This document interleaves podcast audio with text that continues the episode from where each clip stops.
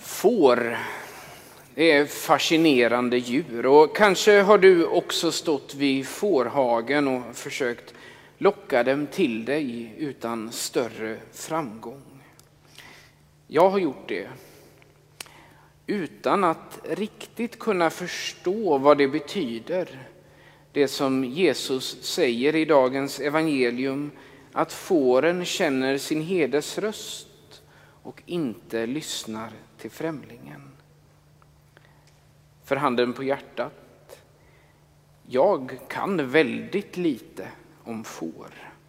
Och därför har jag förberett mig och den här predikan med att titta på klipp på får på internet.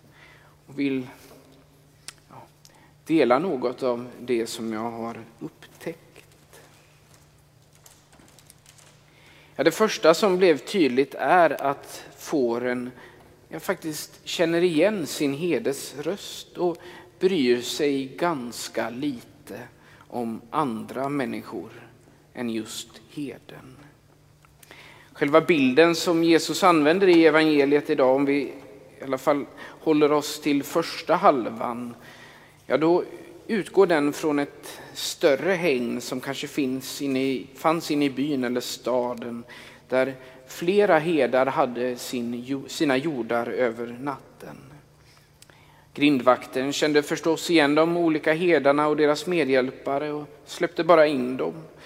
Men eftersom det fanns får från många olika jordar så var det just genom att känna igen sin hedes röst som de kunde följa så att säga rätt herde och rätt jord. Men exemplet fungerar också lite som bilden i början där, när man som jag eller kanske också du har stått vid en fårhage och försökt locka fåren till dig. Ja, flera av de filmerna som jag har sett, ja, de är upplagda just på det sättet. Först försöker en eller ett par personer så att säga locka till sig fåren utan resultat innan heden tar över och liksom visar hur han eller hon gör.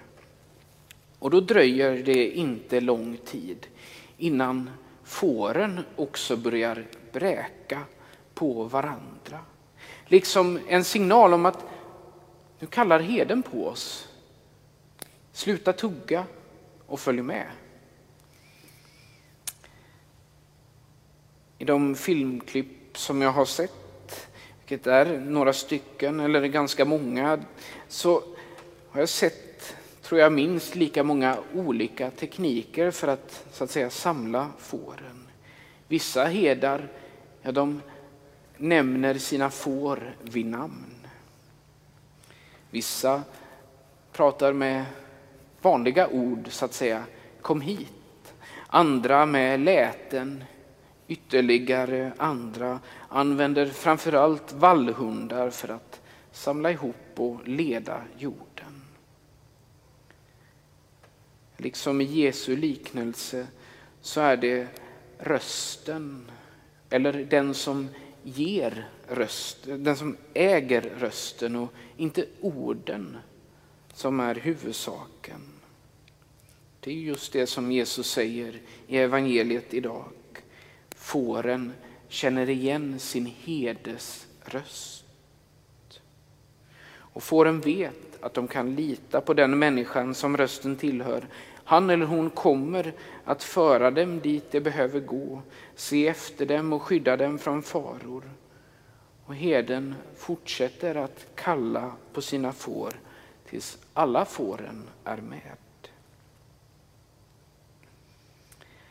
Efter att ha sett de här filmklippen så kan jag tycka att det här uttrycket som vi har, fårskalle, inte gör fåren så mycket rättvisa.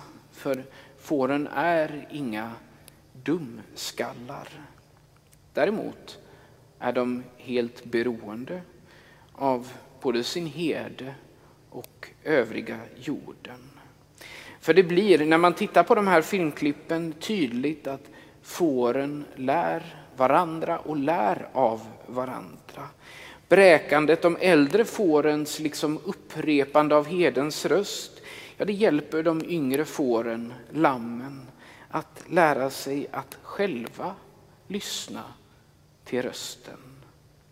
Och på samma sätt, om ett nytt får flyttas från en jord till en annan och får en ny herde, ja då är det fåret till en början ganska vilset. För det är ju vant att lyssna till en annan röst.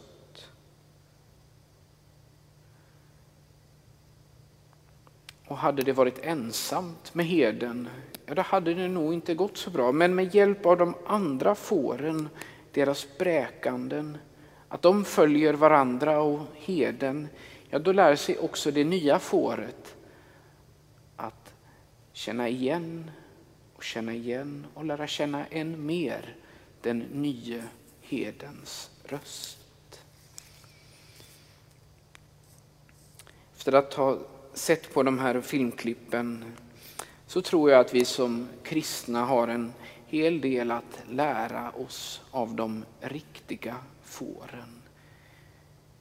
Både när det kommer till att igenkänna och lyssna till den gode heden. För vi är i en mening får, fåren i hans jord, som det uttrycks i till exempel Saltarens 95 psalm. Kan vi då igenkänna herden i myllret av röster och intryck både så att säga inifrån oss själva och utifrån? Kanske är här ett par punkter från fårfåren till människofåren. För det första är det likt Jesus. Jag stämmer det vi uppfattar som hedens röst med evangeliernas porträtt av Jesus från Nasaret. För att genom där umgås med honom så lär vi känna honom. Det andra är det mänskligt tycka vara en oväntad punkt, men Jesus är sann Gud och sann människa. Hans röst gör oss mer förtrogna med både Gud och människa. Den tredje punkten från fårfåren är, stämmer det med jordens erfarenhet? Alltså stämmer det med den kristna gemenskapen, församlingen, kyrkan.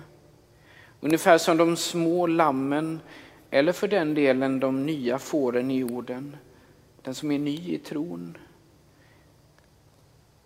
finns en väg att lära känna igen hedens röst med de andras hjälp.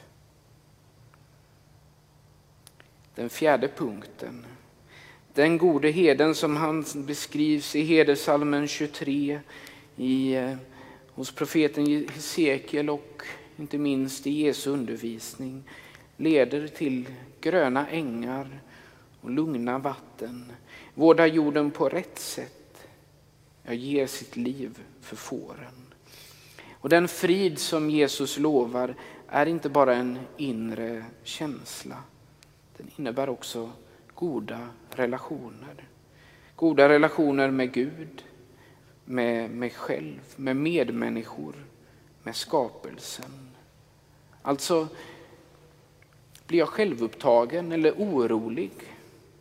Eller mer öppen för mitt, mitt inre, för Gud, för andra människor och för världen omkring mig. Det kan fårfåren lära oss människor får något om. Ära vare Fadern och Sonen och den helige Ande. Så som det var av begynnelsen, nu är och skall vara, från evighet till evighet.